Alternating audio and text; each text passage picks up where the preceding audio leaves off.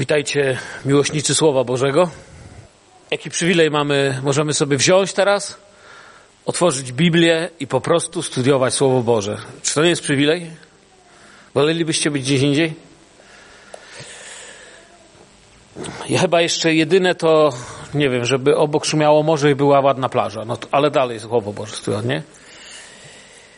Tak naprawdę, wiecie, mamy wielki przywilej życia w wolności, Możemy to robić, nie musimy się oglądać przez ramię, czy nie wejdzie w czasie nabożeństwa jakaś policja, jakieś sekuritate, czy nie wyprowadzą pastorów, starszych, diakonów w kajdankach, czy nie zabiorą dzieci do jakiegoś radiowozu, żeby je zawieźć do domu dziecka, udając, że chronią je przed praniem mózgu, bo różne takie rzeczy dzieją się dziś na świecie.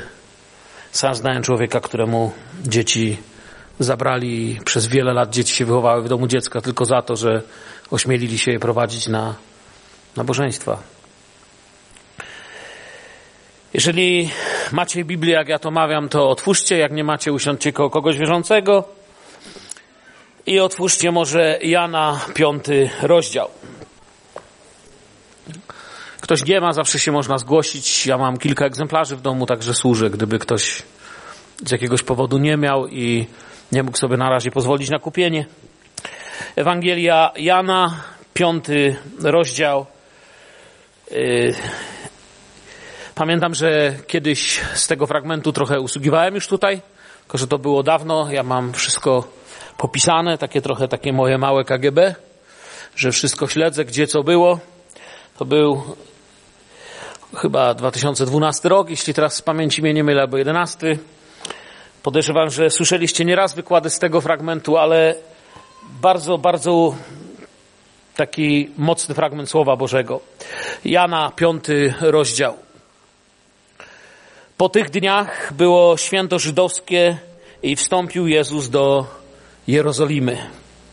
A jest w Jerozolimie przy Owczej Bramie sadzawka zwana po hebrajsku Betesda, mająca pięć portyków. W nich leżała wielka rzesza chorych, ślepych, chromych i sparaliżowanych, którzy oczekiwali na poruszenie wody. Albowiem anioł o pewnym czasie wstępował do sadzawki i poruszał wodę. Pierwszy więc, kto wstąpił po poruszeniu wody, stawał się zdrowy, jakąkolwiek chorobą był złożony. A był tam pewien człowiek chorujący od 38 lat. I gdy Jezus ujrzał go leżącego i poznał, że już przez długi czas czeka, powiedział do niego, czy chcesz stać się zdrowy? Chory odpowiedział mu, panie, nie ma człowieka, który by wrzucił mnie do sadzawki, gdy woda zostanie poruszona, a gdy ja idę, inny przede mną wstępuje.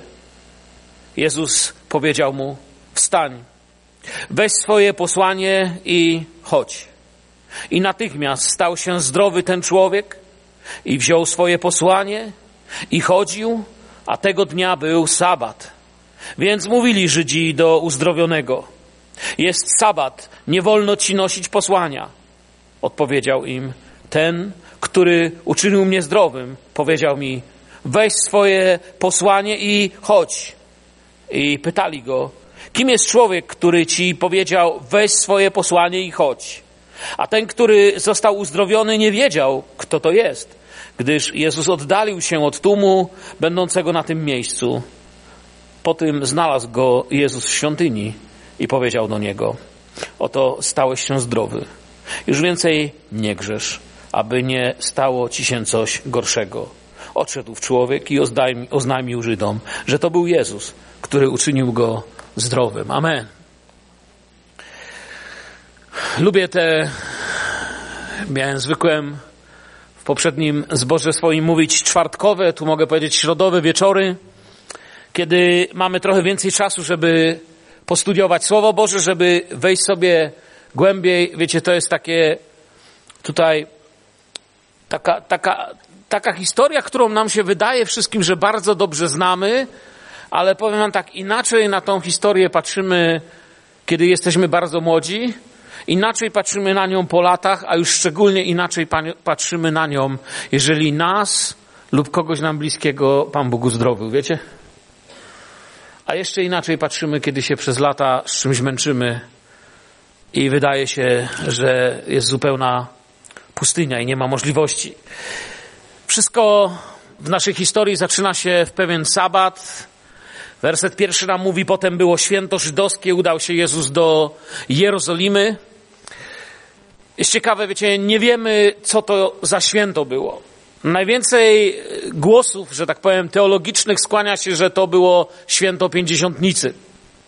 Że to było święto, które Żydzi obchodzili spotykając się, chcąc się modlić, chcąc w jakiś sposób przypominać sobie o tym, co Bóg dla nich uczynił, ale tak mówię, no nie wiemy tego i nie będziemy tutaj wymyślać. Jedno jest pewne. Było święto, był sabat, były tłumy i Jezus również tam się pojawia i tu się zaczyna coś dziać. Zacznę w ten sposób. To nie była pierwsza wizyta Jezusa w Jerozolimie. Jezus był już w Jerozolimie wcześniej, wcześniej był tu na święto Paschy i wyrzucił ze świątyni handlarzy. Pamiętacie ten fragment Słowa Bożego? Wszyscy na pewno nieraz o tym czytaliśmy.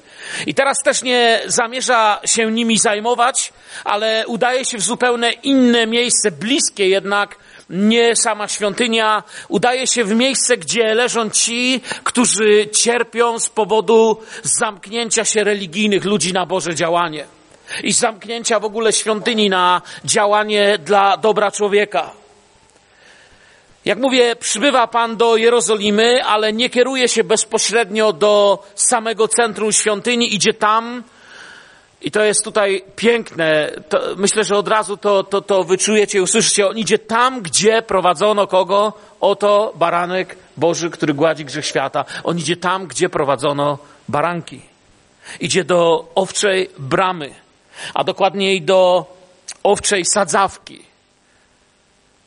A jest w Jerozolimie przy owczej bramie sadzawka zwana po hebrajsku Betesda, mająca pięć krużganków. Wiecie, niektórzy tutaj mówią, to nie ma znaczenia dla naszej historii, że dokładniej werset powinien brzmieć, a jest w Jerozolimie przy, o, przy bramie owcza sadzawka, że tak powinno to być napisane.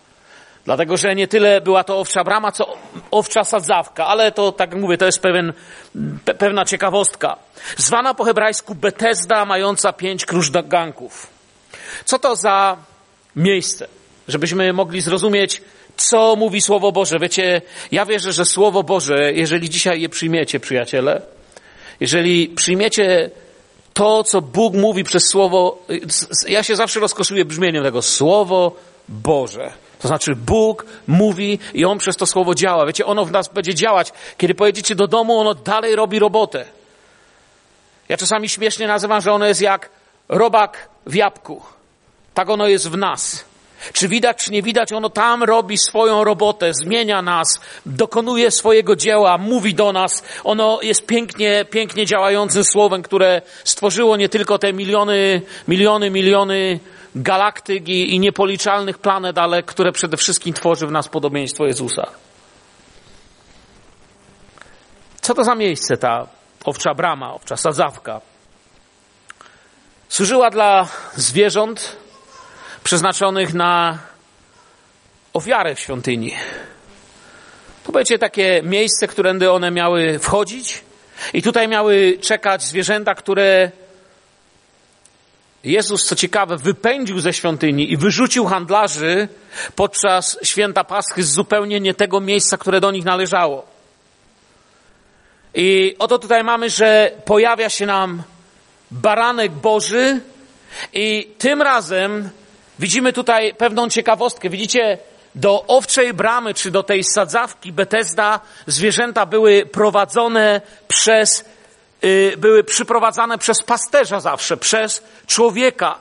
Ten baranek, który się teraz pojawia, Zbawca, jest prowadzony Duchem Świętym. To jest Mesjasz, to jest Zbawiciel. Nie jest darem ludzi dla Boga, ale jest darem Boga dla ludzi. On zmieni wszystko. On zmieni rzeczywistość świątyni i zmieni definicję świątyni. Nie tu, nie na tej górze, ale w duchu i w prawdzie. Świątynią pańską człowiek będzie mógł się tutaj przez niego stać. Ale tak jak mówię, tym razem Duch Święty przyprowadza baranka. Sadzawka znajduje się gdzieś na północ od świątyni i gromadzi w sobie wodę deszczową. Co jest ciekawe, całkiem niedawno odkryto, że jednak owe pięć krużganków istnieje. Jeżeli będziecie przeglądać stare książki dotyczące biblijnej archeologii, to będą się zastanawiać, jak to dokładnie było. Dzisiaj już wiemy, wiemy, że te pięć krużganków rzeczywiście istniało i jak zawsze się okazało, że Biblia ma rację. Wracając do słowa, sadzawka znajdowała się na północ od świątyni, tam spływała, jak mówiłem, woda deszczowa i jej nazwa Betesda oznaczała dom miłosierdzia, dom owiec albo dom dwóch źródeł. I wszystkie trzy tłumaczenia są nie tylko właściwe, ale myślę, że bardzo sensowne. Każde z tych tłumaczeń nazwy doskonale pasuje, dlatego że jeśli Betesda znaczy dom miłosierdzia, to tutaj miłosierdzie okazał Jezus i stąd czerpiemy naukę dzisiaj dla naszego życia tego, co robi Pan. Jeżeli znaczy dom owiec, to oto mamy baranka Bożego przyprowadzonego miłością Ojca we właściwe miejsce. Jeżeli oznacza dom dwóch źródeł, to myślę, że też ma piękne przesłanie dla nas, oznacza takie oczekiwanie, albo czekam na ludzką pomoc i cud w kolejce, albo mam bezpośrednią łączność z Bogiem, spotykam bezpośrednio Jezusa która z opcji jest lepsza, lepsza sama historia nam pokazuje. I Jezus wchodzi w coś, co wiecie, jeżeli czytacie Biblię podobnie jak ja czytam, ja sobie lubię wyobrazić to, co czytam. Macie coś takiego? Ja sobie wyobrazić lubię, lubię sobie czasami zamknąć oczy i chwilowo nie czytać, co tam zostało powiedziane, ale gdzie to zostało powiedziane. Jakie były, jakie było otoczenie. I wtedy zaczynam lepiej słyszeć, co zostało powiedziane. Kiedy Jezus tam wchodzi, widzę tam takie zgromadzenie bezsilnych nazwałem ich. Zgromadzenie bezsilnych. Zgromadzenie ludzi, którzy strasznie mało mają do wierzenia i mało mają szansę, a szczególnie ten jeden, którego za chwilę jakby Duch Święty wyłowi z tego tłumu.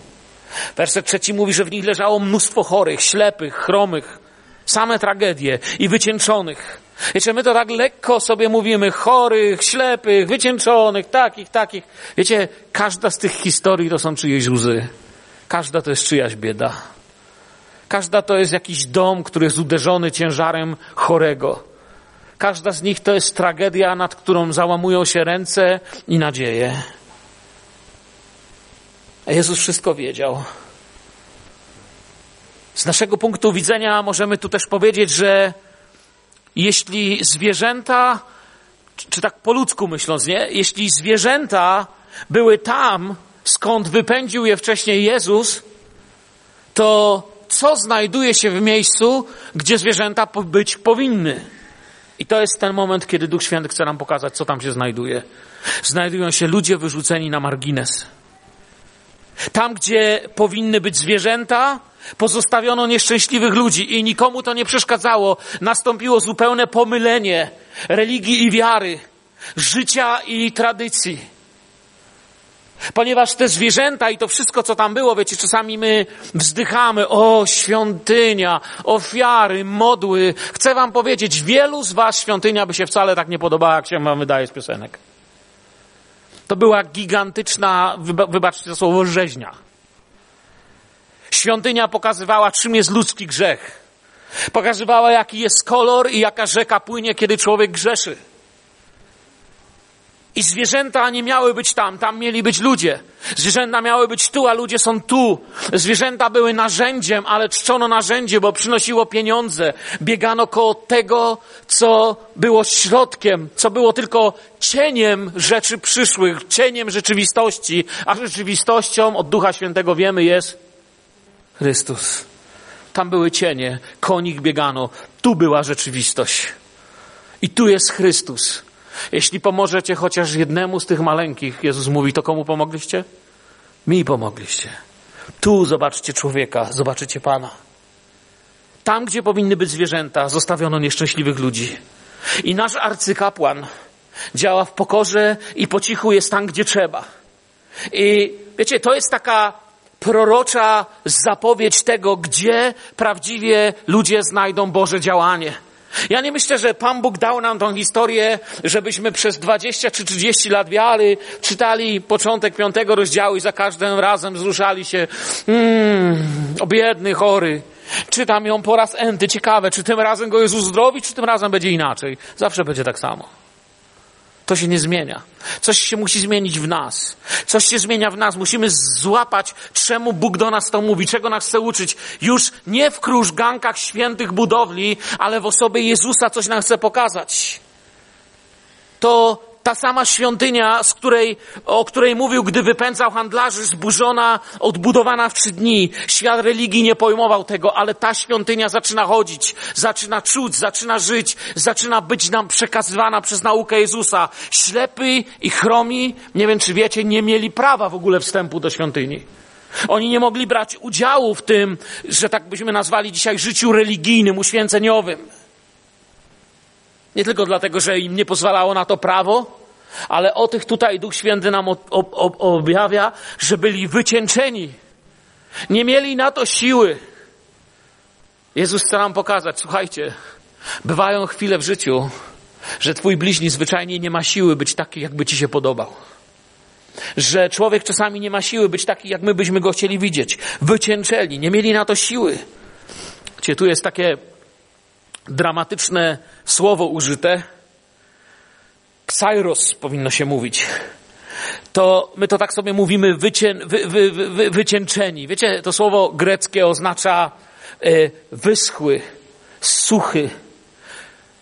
Psalm pięknie o tym mówi. Pamiętacie psalm? Jak ziemia wyschnięta, pragnąca bez wody, tak Ciebie, Jachwę, wyglądam, by oglądać Twoją chwałę. To jest ta, to jest ta susza pragnąca deszczu. Leżą obok wody, ale brzegi koło tej wody nie są zielone, są suche. I pojawia się woda życia, pojawia się Jezus. Co to za miejsce? Jeszcze dalej chodźmy, duchowo zobaczmy. Czwarty werset. Od czasu do czasu stępował anioł Pana do sadzawki i poruszał wodę. Kto więc po poruszeniu wody pierwszy do niej wstąpił, odzyskiwał zdrowie, jakąkolwiek chorobą był dotknięty. A więc rodzaj choroby nie jest problemem. Problemem jest pierwszeństwo. I przychodzi ten, który mówi: Nie musisz być pierwszy, możesz być ostatni i będziesz pierwszy. Problemem nie jest komplikacja chorobowa. Problemem jest komplikacja duchowa. I to, to straszne od czasu do czasu, a poza tym nic. Ja myślę, że to od czasu do czasu Pan Bóg czyni jakieś cuda, jest takim obrazem też czasem naszego wyschniętego, wys, naszych wyschniętych marzeń, wyschniętych snów o przebudzeniu, o Bogu, o uzdrowieniu, o Bożym ratunku. Od czasu do czasu to taki obraz przygody z Bogiem dla wielu ludzi. Raz na czas, na kogo wypadnie, na tego bęc. Czy tak działa Pan Bóg? Czy to wszystko? Bóg jest Bogiem relacji. Bogiem miłości, a nie Bogiem losowania, szczęścia, przypadku, pchania się łokciami pierwszego, który wejdzie i Bóg nas chce coś uczyć. Powiem wam też tak, już historycznie mówiąc, jako ciekawostkę, ta sadzawka właściwie stała się jedną wielką tragedią historycznie dla Żydów. Dlatego, że tak blisko świątyni i w końcu ta sadzawka stała się miejscem kultu Eskulapa stała się miejscem kultu uzdrowienia i związanym z tych bożków. Archeologia bezstronnie odkryła tam resztki z darów ofiarowanych bałwanom. To miejsce stało się to, co się ma wydarzyć, i miejsce stało się tak ważne, że zapomniano o sobie, a Jezus cały czas działa tam osobowo. Jezus zobaczył tego jednego i Jezus był tym jedynym. Jezus zobaczył tego bez nadziei, Jezus był nadzieją. To jest nauka o naszej relacji z Panem. O takiej relacji z moim Jezusem marzę, a wy? Tak chcę kochać mojego Pana. Jesteście tam? Nawet jeśli ktoś doznawał tam cudu, bo się poruszyło nie chcę objaśniać tego, na czym to miałoby polegać. Są różne, różne rzeczy. Można by, wiecie, teraz pół godziny objaśniać, co tam, gdzie różnie mówią, co to, jakby to miało działać, co to by było. Wiem jedno z tego wszystkiego, że jeśli nawet ktoś doświadczał tam cudu, to było to tylko polepszenie dotychczasowego życia, a nie całkowita jego zmiana. Jezus nie polepsza życia. Jezus życie przemienia i Jezus daje nowe życie. Amen. On jest wodą życia, która naprawdę się porusza i daje uzdrowienie. Kiedy Jezus się rusza, dzieją się rzeczy i nie trzeba być pierwszym. Wystarczy być w potrzebie, wystarczy pragnąć, wystarczy chcieć. I dla Boga ktoś chory i cierpiący to po prostu jaś człowiek. I jakie ciekawe, że akurat tego Pan Jezus zobaczył. Bo Biblia mówi nam w piątym rozdziale, w piątym wersecie, że był tam człowiek, który chorował od 38 lat.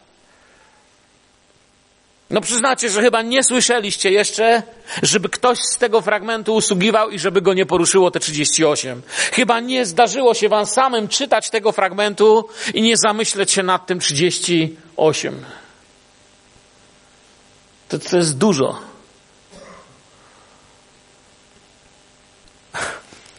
Mój syn ma 17 lat, który tu siedzi. To jest ten nasz młodszy syn. I 17 lat ma. Czyli gdyby był chory i czekałby tam według takiej normy, to czujecie? Jeśli ma 17, to jeszcze mu zostało 21. Dobrze mówię? Czyli więcej niż żyje, musiałby nadal pogodzić się ze łzami, z bólem i złamanymi nadziejami. Biblia mówi, że był tam, i myślę, to pewien człowiek. Pewien człowiek to jest w Biblii, to jestem ja, to jesteś ty, to jest ktokolwiek z ludzi, to jest mój bliźni. A bliźnim jest ten, dla kogo i za kogo umarł Jezus. I on trwa sobie w tym bólu, w tej codziennie większej beznadziei, otoczony ludźmi o podobnych historiach. Każdy jest przypadkiem tak potrzebującym, że nie może czekać. I raz na czas, z tego co tam czytamy, ktoś ma trochę szczęścia. Nie ma jednak żadnych złudzeń. Na loterii nie wygrywają wszyscy. Prawdą jest codzienny ból, niemożność pójścia do świątyni, niemożność służenia Bogu. Słyszą tylko od świąt do świąt, jak coś się tam dzieje i trwają w swoim dramacie Słyszą tylko, że Bóg jest, że Bóg może, że dawno, dawno temu rozdzielił Morze Czerwone, że dawno, dawno temu to się działo, że kiedyś to tam, coś tam. Chrześcijaństwo z drugiej ręki, chrześcijaństwo ze słyszenia, chrześcijaństwo w totalnej beznadziei, śpiewające pieśni nadziei. I pojawia się pasterz, baranek, Ktoś to sprawi, że tacy jak oni będą mogli iść do świątyni, choć to już nie będzie świątynia ręką zbudowana. Pojawia się on. Kim jest ów pewien człowiek? Kimś, kto nie może już nawet stać, kimś, kto nie może nigdzie pójść, kimś, kto czeka na cud, na jakąś zmianę i przestał w to wierzyć, jest obrazem być może ciebie, Słuchasz moje kazanie, czy ten mój wykład i już wiesz, że zmierzę do końca, że im bliżej końca będę się ekscytował, bo chłopa uzdrowią, ale ty wiesz, że dla ciebie to nie znaczy absolutnie nic. Wyschnąłeś dla Słowa Bożego. Chcę ci powiedzieć, Duch Święty pragnie być pragniony przez ciebie. Duch Święty pragnie być kochany przez Ciebie, pragnie być chciany, pragnie byś w głębi siebie rozpoczął tą modlitwę. Jestem jak ziemia sucha, pragnąca, ziemia bez wody, przyjdź do mnie. Leżał tu 38 lat, bez dwóch lat, pokolenie. Pokolenie, które zasłało piasek pustyni. Tyle trzeba było, by ono wymarło. Ale chwilę przed śmiercią, kiedy nie ma ludzkiej nadziei, przychodzi nadzieja z nieba, przychodzi Jezus. To jest piękne dla mnie w tej historii. Z niej się uczę, z niej czerpię moją siłę. Tak blisko, a jednak tak daleko człowiek oczekuje na Boga. Tak blisko, bo w świątyni, a tak daleko, bo bez żadnych szans.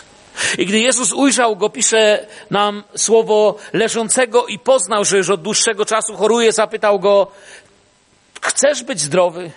Odpowiedział mu chory, panie, nie mam człowieka, który by mnie wrzucił do sadzawki, gdy woda się poruszy. Zanim zaś ja sam dojdę, inny przede mną wchodzi. Wiecie, co on mnie uczy? Że można dojść tak blisko, blisko, blisko świątyni i nigdy nie wejść w jej realność, bo, bo nie ma człowieka, bo nie ma czegoś tam. I tak sobie można leżeć codziennie i o niej słyszeć, czując, mówiąc, ale nie można wstać, nic nie możemy. Fajnie, że gość mówi o uzdrowieniu, ale mój znajomy na to samo umarł, na co ja jestem chory. Fajnie, że gość mówi o uzdrowieniu, ale pewnie mi się to nie stanie. I inne złe myśli, tak? Jestem tu w niedzielę i w tygodniu, ale wejść głębiej nie potrafię. Jestem i nie jestem. Jestem, no bo chodzę, jestem, bo jestem zapisany, ale brakło mi relacji, gdzieś ją straciłem, właściwie leżę. Wiem, że tu jesteś, wiem, że tu jesteśmy. Wielu z nas było w tym miejscu, albo jest, albo będzie, gdzie się po prostu leży. Jeśli jesteś w tym doskonałym miejscu radości, uwielbiania, to nie martwię, że się dzisiaj będziesz nudził i powiesz, a on do mnie nie mówi, bo mi akurat nic nie jest. Jeśli ci nic nie jest z powodu Jezusa, to wiem, że będziesz miał pragnienie błogosławić tych, którym coś jest. Mam nadzieję, że to Pan Jezus dzwoni. Jestem tu w niedzielę i w tygodniu, ale próbuję i nie mogę głębiej wejść. Gdzieś tam, w Afryce, w Sudanie, na Ukrainie. Duch Święty działa, porusza, uzdrawia, ale nie w Polsce, nie w mojej codzienności. W Polsce to już jest taki kryzys, nie? Ja myślę, że dzisiaj przez ten tekst, jeśli on w was zostanie, jeśli pozwolicie Duchowi Świętemu w was pracował, Duch Święty wam przypomni, jestem, działam, gdzie dwóch lub trzech jestem pośród nich, jestem, działam, przychodzę do was, aby was dotykać.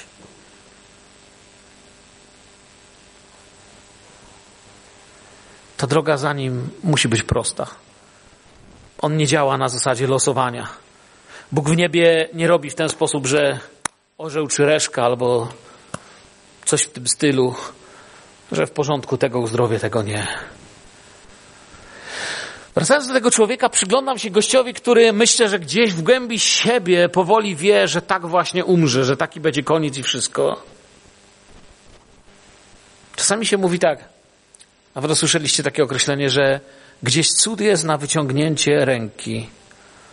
I tutaj mamy faceta, dla którego nawet na wyciągnięcie ręki to już jest za dużo, bo nie może wyciągnąć. I chciałem Was dzisiaj zachęcić, abyście wierzyli, że Bóg ma dla Was nie tylko wielkie cuda o tym, że będziecie czytać, co się dzieje w Afryce, ale Bóg ma z powodu miłości do Ciebie, dla Ciebie Twój osobisty cud, którego potrzebujesz. To strasznie brzmi, twój osobisty cud, nie? Brzmi jak jakieś doradztwo dla menadżerów, ale ma coś, co, co zaspokoi Twoje pragnienie. My nigdy nie możemy przestać wierzyć, że Jezus jest osobą. Jezus nie jest obiektem naszej czci, jest osobą naszej relacji, w której Go czcimy. On nie jest jakiś obiektem, który stoi i po prostu jest. I, i, I, nasze uwielbianie to jest pomieszanie wspomnień z dawnych czasów, lektury biblijnej i tego, że być może na kogoś wypadnie. Ktoś inny obok niego jest silny, może mu się coś stało, jemu nie. Jest tak chory, że nie ma sensu iść do lekarza i nie ma sensu wierzyć w cuda. Taki chory człowiek tu jest. Jezus poznaje, jaki jest jego problem, a Pan patrzy bardzo poważnie na ludzi, do których przychodzi. Jeżeli wezwiesz Jezusa, On patrzy bardzo poważnie. Czy chcesz być zdrowy? Zapytał go Jezus. Nie wiem, jak wy na to zareagowaliście. Pierwsza myśl jest taka, że dlaczego go pyta, nie? Jakby pierwszym odruchem się mówi, ba, kto by nie chciał, nie, w takiej sytuacji. Ja mam dużo lżejsze schorzenia i jeśli byś mnie zapytał, to pewnie, że tak, ktoś powie, nie? Ale to nie jest pytanie bez sensu i wcale nie było takie oczy, oczywiste. Wiecie, gdzie myślę, to pytanie coś musiało rozbić. To pytanie było rodzajem wysadzenia pewnej twierdzy, pewnego muru w życiu tego człowieku. Ten mur się nazywa, że to już tak musi być. Ja już przywykłem już jestem taką ofiarą. To, to już tak musi być. Kiedyś pamiętacie, powiedziałem wam, że jedną z największych herezji, którą wyznają czasami chrześcijanie, coś, co, y, co jest absolutnie heretyckim wyznaniem, to jest kiedy ktoś mówi w ten sposób, ale wiesz, ja już taki jestem, mnie już nic nie zmieni. To po co tu w ogóle chodzisz? To po co w ogóle się modlić? Po co czytać Biblię? Właśnie w tym rzecz, że ja już taki jestem, ale nie chcę taki być. Chcę, żeby Bóg mógł mnie zmieniać, Bóg mógł mnie używać. I czasami przywykamy, że tak to już jest.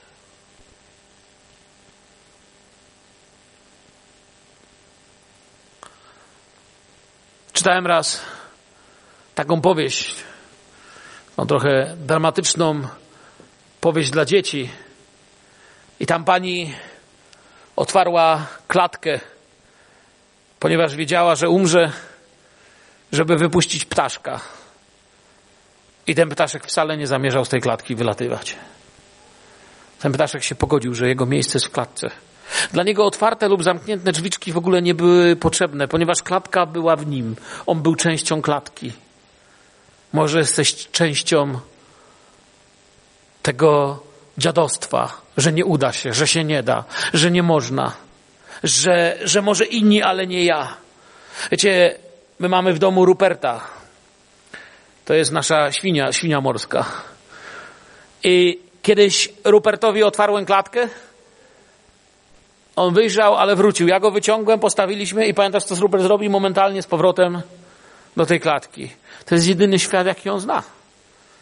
Wyciągamy, idź, łaś, baw się, nie, siu, jak tylko opuścisz, od razu jest z powrotem w klatce.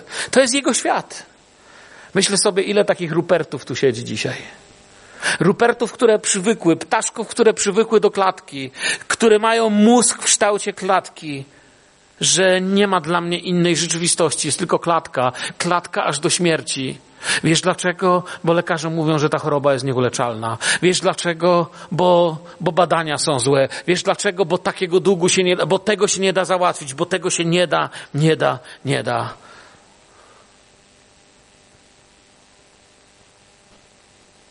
Nadzieja, która całkiem umarła.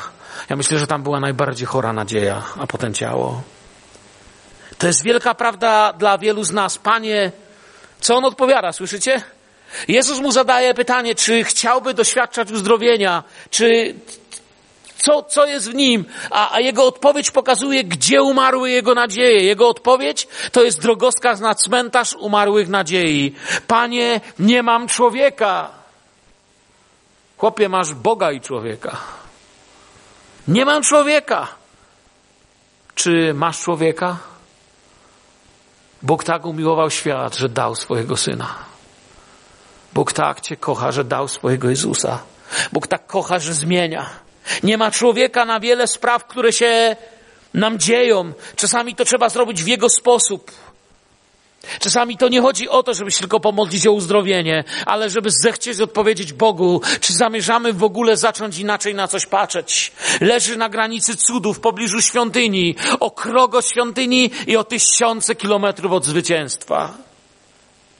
Ktoś miał siłę go przynieść. I czasami tyle mogą pomóc ludzie. Może ludzie mieli dość siły, żeby przynieść. Często, kiedy usługiwałem na pogrzebach, to towarzyszy mi ta myśl, że największym moim zmartwieniem nie musi być to, kto mnie tam włoży, ale kto mnie stamtąd wyciągnie. Bo ja wiem, że jest ten, który ma moc nad śmiercią.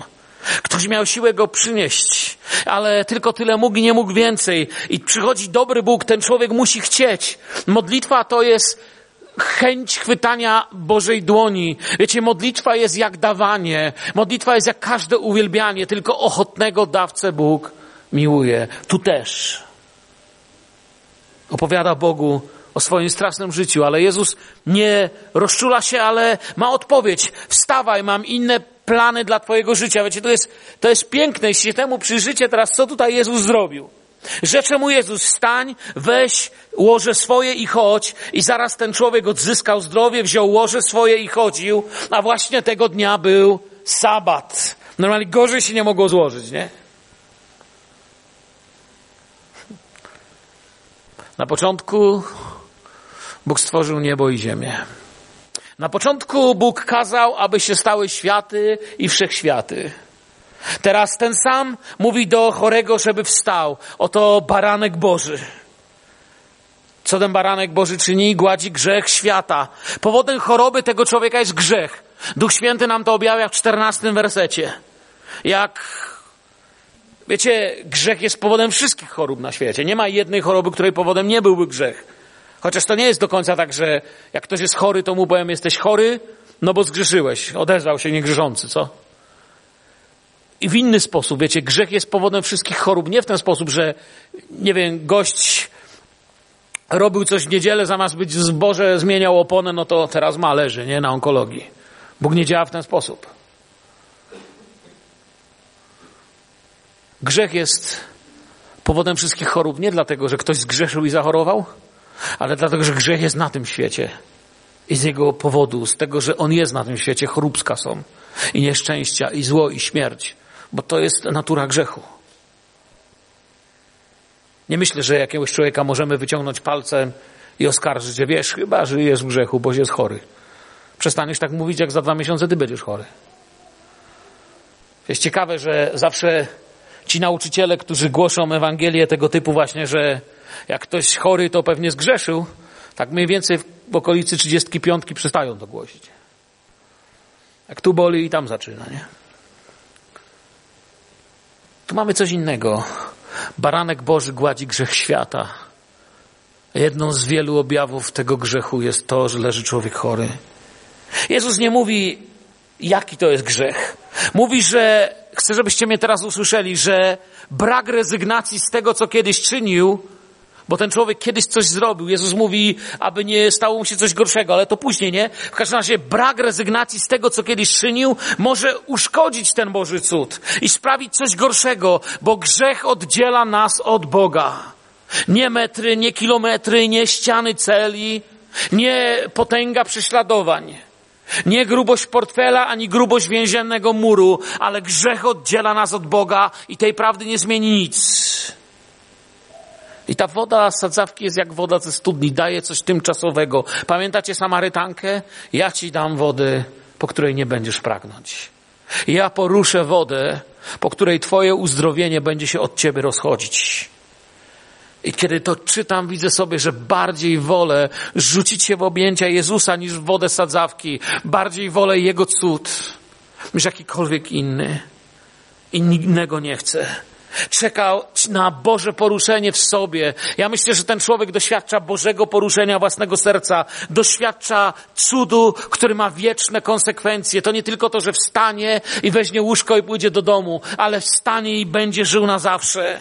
Ta historia nas coś uczy, bo on coś zrobił. Wiecie, tu się można trochę normalnie uśmiechnąć, jak się nad tym zastanawiasz. Co facet zrobił?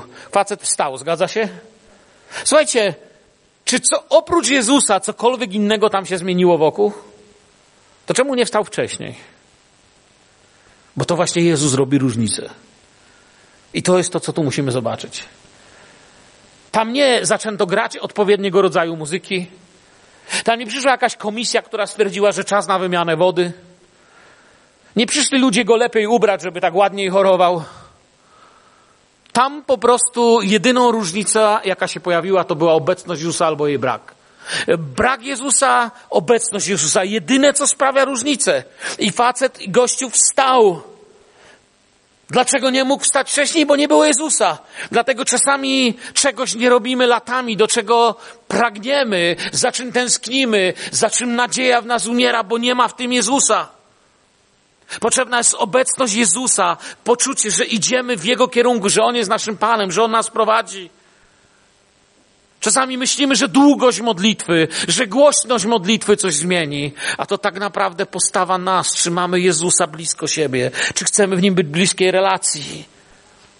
I teraz czytamy o pierwszym prawdziwym sabacie w życiu tego człowieka. Bo Biblia mówi, że zaraz ten człowiek odzyskał zdrowie, wziął łoże swoje i chodził. A właśnie tego dnia był sabat. No, miał chłop pecha, by tak powiedzieć po naszemu dzisiaj, nie? To też mówili Żydzi do uzdrowionego. Dziś sabat, nie wolno ci nosić łoża. Wiecie, może sobie go wyobrażacie z takim metalowym łóżkiem na sprężynach, drabiniastym, ale on nie takie łóżko niósł. On miał taką matę. I nawet tego mu nie wolno było nosić. I coś ciekawe, chciałbym, byście to zobaczyli. Tu coś mówi na temat świąt, bo my czasami, wiecie, takie święta, siakie święta. Czasami się pytają mnie ludzie, pastorze, a, a będzie u nas nabożeństwo w to czy tamto święto? Do tej pory sabat dla tego człowieka nie był absolutnie żadnym dniem radości. Zauważyliście? Ten chłop się nie miał powodu cieszyć z jakiegokolwiek sabatu. A poza tym, jaka różnica, czy był, czy nie był? Kiedyś mnie tacy ludzie napadli z powodu sabatu. Strasznie mnie napastowali, wiecie. Wiem cię, ja sobie powiedziałem tak, ja wiem jedno, że przeżyłem tysiące sabatów w swoim życiu i tysiące różnych uroczystości, ale spałem spokojnie i odpocząłem naprawdę, kiedy przyszedł mój sabat, mój Jezus, ten, który jest moim odpoczynkiem. Tego nie zmieniło nic. Sabat czy odpocznienie Boże jest ważne, nie zrozumcie mnie teraz źle, ale bez Jezusa jest absolutnie bezsensowne. Czym odpoczywać, kiedy cię sumienie gryzie? W czym odpoczywać, kiedy sprawy nie tak? W czym odpoczywać, kiedy śmierć blisko? I dla tego człowieka sabat nie był nigdy dniem radości. Może był dniem religii, ale na pewno nie jego radości. Nie oznaczał w jego życiu absolutnie nic.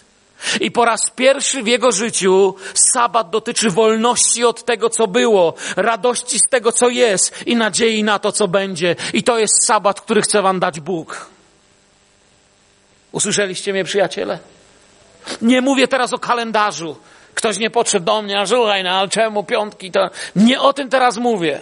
Mówię, że prawdziwe świętowanie oznacza wtedy, kiedy masz radość, bo to, co było złe, przeminęło. To, co jest dziś, to jest Jezus, a to, co będzie, to będziemy na zawsze z Nim. Amen. To jest powód do odpoczynku dla mnie. To jest powód, dlaczego mogę spokojnie wyjechać na każdy wyjazd, na każdą misję, pójść w każde miejsce. To jest to, czego nauczyłem się, czy jeżdżąc po Rosji na misjach, czy gdzie indziej będąc, że pamiętam, jak sobie często mówiliśmy, kiedy w noc wyjeżdżaliśmy, czasami padał śnieg, zima, mrozy i zawsze to nasze pocieszające pozdrowienie, że do zobaczenia w domu. Bo kiedy człowiek kochający Boga jedzie, to zawsze w końcu dojedzie do domu. Nawet jak nie dojedzie. Choćby i umarł, to żyć będzie. I choćby do domu nie dojechał, to do domu dojedzie. Amen. Ten chłop naprawdę świętuje. I wiecie, co się teraz dziać? Kiedy ten chłop pierwszy raz w życiu naprawdę świętuje, zostaje oskarżony o to, że nie świętuje. Widzicie to? Nie widzicie? Mówię niezrozumiale? Przejść na rosyjski? Facet nigdy nie świętował i był spokój. Raz w życiu niesie łóżko i świętuje, no i podpadł. Za to, że nie świętuje. Dla niego nosić łóżko to sabat, rozumiecie? Czasami odpoczywać to jest coś, robić coś, co wydawałoby się ciężką robotą, ale nią nie jest. Dla niego nosić łóżko to sabat. Oni nic z sabatu nie zrozumieli. Zresztą tak samo jak z Jezusa i dlatego go przybili. Tak samo my mamy. To trzeba go spotkać, z nim się trzeba spotkać. Pan niesie taką wolność. Dla niego nosić łóżko to jest najpiękniejszy sabat. Bo co zrobiono z sabatu? Stał się czymś, czego nie potrzebowali ludzie, czymś, czego nie planował Bóg, i kiedy Jezus przywraca prawdziwe znaczenie tego, czym jest spotkanie z Bogiem, że spotkanie z Najświętszym czyni dzień świętym. Oto jest dzień, który dał mi Pan. Będę radował, cieszył się z nim. Pamiętacie tą pieśń? Kiedy to właśnie się dzieje, religia mówi, a fuj, to nie po naszemu. Czym jest łóżko, które niesie? Łóżko jest wielkim, wielkim przesłaniem. Łóżko. Wiecie, dla zdrowego, jak ci powiem łóżko, to ci się dobrze kojarzy, nie? Mi się dobrze kojarzy. Łóżko. Wow. Ale dla chorego jest czymś, czego ma już serdecznie dość. Wystarczy mieć grypę przez tydzień i już masz serdecznie dość, nie? Prawo jest dla człowieka w Chrystusie odpoczynkiem. Dla człowieka religii jest prawo, jest niewolą. I uzdrowiony podpada religii. Nie przeszkadzało im, że tyle lat chorował. No bo nie podpadał pod ich prawa. Wiecie, co ten człowiek zrobił? Ten człowiek leżał 38 lat. Jeden rok to jest 52 tygodnie, czyli leżał 1976 sabatów i nikt go nie krytykował. I nikt nie powiedział, że śmierdzi. I nikt nie powiedział, że coś nie tak. Jezus przyniósł mu Boży sabat i tego dnia, kiedy zaczął odpoczywać jak nigdy, świat na niego Świat religii spojrzał na niego z gniewem w oczach. Pojawiają się ludzie, którzy literę, zapisy i swoje przekonania cenią bardziej niż życie brata. Naszym świadectwem musi być wtedy zawsze Jezus. Jezus mnie zbawił, Jezus jest moim świadectwem. On zaś odpowiedział im, ten, który mnie uzdrowił, rzekł mi, weź łoże swoje i chodź. Pytali go, cóż to za człowiek, co ci powiedział, weź je i chodź. A uzdrowiony nie wiedział, kto to był, bo Jezus niepostrzeżenie oddalił się od tłumu, który był na tym miejscu. Zobaczcie, w tym miejscu ten człowiek jeszcze w pełni nie może dać świadectwa. Jeszcze w pełni nie jest dokonany cud. Cud już jest w tym, że chodzi, już oddycha, już ma podarowany grzech, ale jeszcze coś potrzebuje. Jeszcze potrzebuje spotkania i to spotkanie jak zawsze w takich sytuacjach będzie inwencją Boga, bo Bóg jest Bogiem poszukującym człowieka na każdym kroku. I dzisiaj Bóg poszukuje również Ciebie. Bóg poszukuje nas niezwykle delikatnie, właśnie tak. Później spotkał go Jezus w świątyni i rzekł do niego, oto wyzdrowiałeś, już nigdy nie grzesz, aby ci się coś gorszego nie stało. Odszedł ten człowiek i powiedział Żydom, że to Jezus go uzdrowił. Wielu ludzi w świątyni nie spotkało Boga tak jak ten człowiek. Wiecie, religia uważa, że nikt nie może przestać jej przestrzegać, bo jest taka ważna. Te dziesiątki denominacji, zwyczajów, często radykalizmów, które udają radykalizmy, są tak naprawdę tylko walką o własny gust, kulturę i tradycję. Myślę, że w oczach Bożych te dziesiątki denominacji to jest taki slums, każdy ozdrobiony ozdobnymi szmatami i różnymi symbolami. Ale tu jest prawdziwa wolność spotkać Jezusa, który podnosi. Religia widzi przepisy, Jezus widzi człowieka. Mnie znalazł Jezus, nikt mnie nie znalazł. Nie znalazł mnie Izrael, Mossad mnie nie szukał. Znalazł mnie Jezus. Nie znalazł mnie, PCK mnie nie znalazło. Czasem policja mnie znalazła. I wiem, kto moją rodzinę znajdzie, i wiem, gdzie ja się znajdę. Wiem, że w nim chcę przebywać. Wiecie, ostatnio sobie szedłem i modliłem się. I myślę sobie, mój Pan, mój Jezus. I poszedłem i w takim dziwnym miejscu, na pewnym cmentarzu sobie usiadłem. Tam taka ławeczka była. Usiadłem, zacząłem się tam modlić. I nagle zrozumiałem tą cenność Jezusa. Pomyślałem sobie, chcę codziennie Tobą oddychać, Tobie chodzić. Pragnę, żebyś był ostatnim wypowiedzianym przeze mnie słowem w ciągu dnia. Jezus. Ostatnią moją myślą w ciągu dnia. I pierwszą moją myślą każdego dnia rano, kiedy otwieram oczy, staram się pamiętać, żeby najpierw pochwalić Pana. Bo wiem jedno, kiedyś jak się zamkną moje oczy, to będziesz ostatnim słowem, jakie powiem, a kiedy się otworzą, będziesz moim pierwszym okrzykiem radości, który będę miał. Jezus, mój sabat i mój odpoczynek. To nie jest tytuł kazania, to jest przesłanie. Tytuł kazania jest sadzawka przy owczej bramie. Jezus.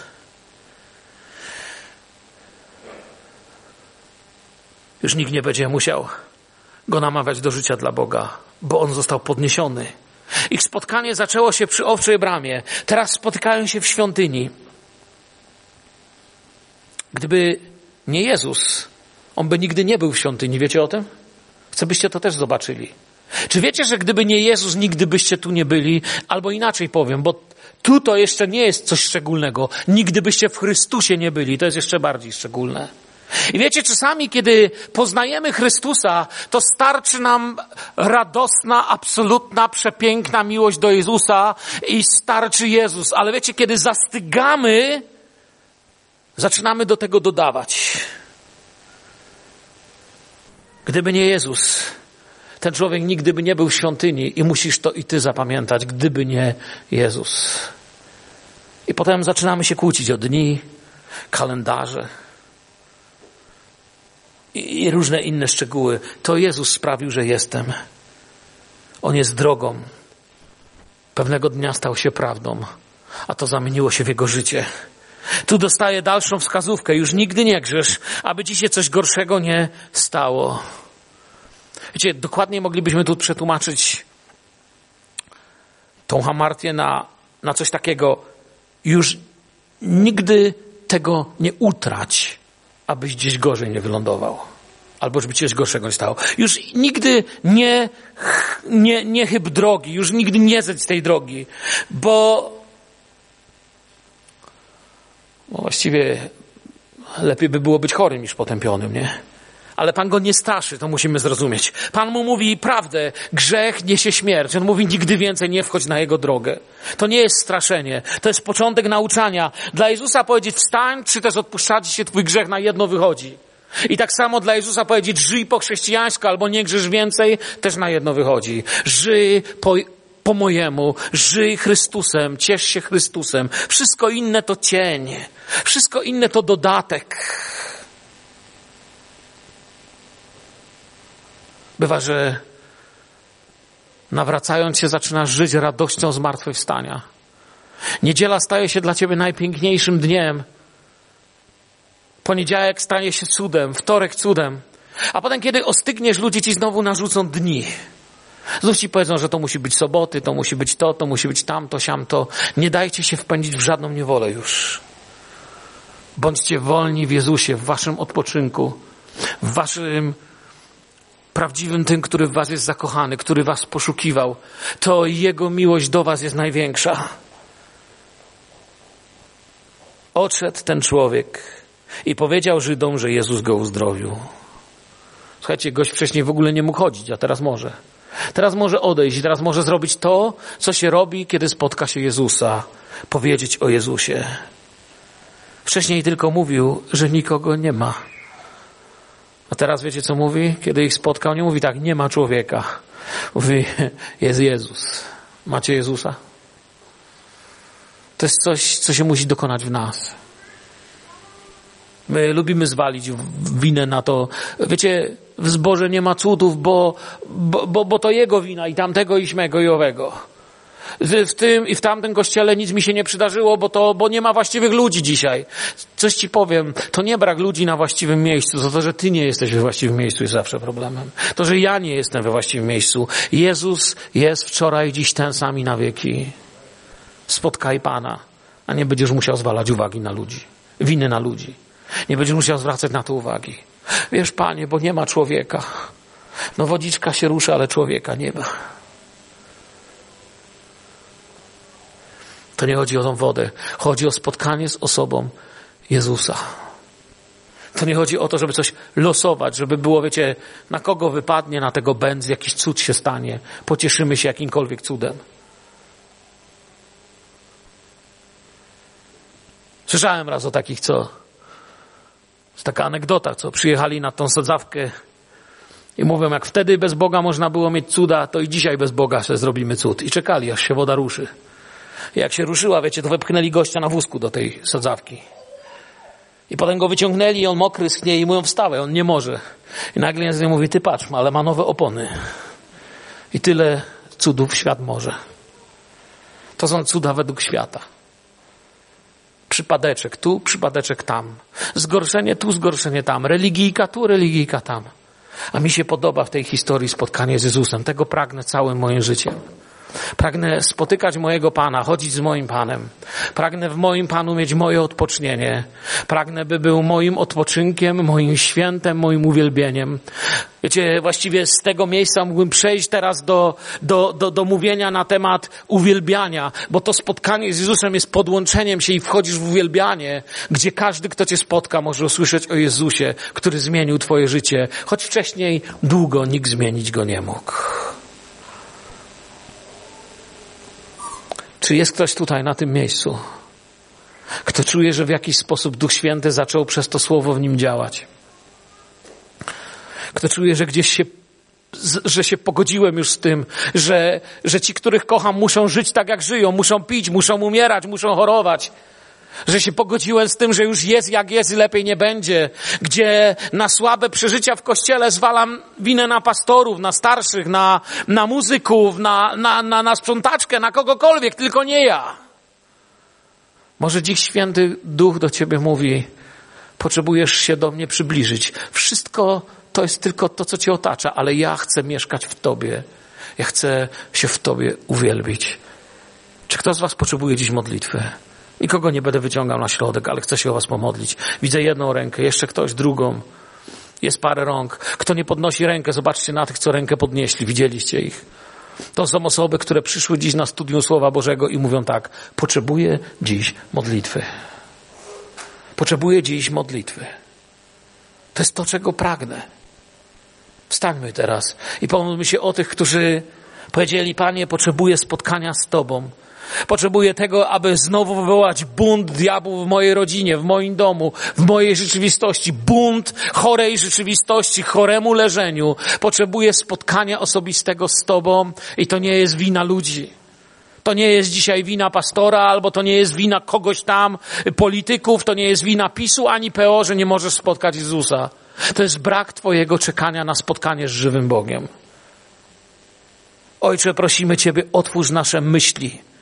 Wyzwól nas z tej klatki, która się już stała w kształcie naszego myślenia. Wyzwól nas z tej klatki, z której nie chcemy wyjść. Pogodziliśmy się, że lekarze powiedzieli, że patolodzy powiedzieli, że uzależnienia nie da się wyleczyć. Pogodziliśmy się, że lepiej już nie będzie i żebym chociaż spokojnie umarł. Panie, Ty nie przyszedłeś, byśmy spokojnie umarli, ale przyszedłeś, mieli życie w obfitości. Proszę Cię o tych, którzy przyszli tu z ciężkim sercem i gdzieś tam zakurzone nadzieje, zakurzone plany, zakurzone wizja cudu i uzdrowienia w domu i w życiu i w służbie. Niech na nowo dziś ożyje. Czy chcesz chodzić? Czy chcesz żyć? I odpowiadamy Tobie, Panie. Nie sobie wzajemnie, ale Tobie, Bogu żywemu odpowiadamy tak, ja chcę żyć, Panie. Tak, ja chcę chodzić, Panie, chodzić dla Ciebie, żyć dla Ciebie, oddychać dla Ciebie. Panie, pragnę reprezentować Twoje królestwo moim życiem.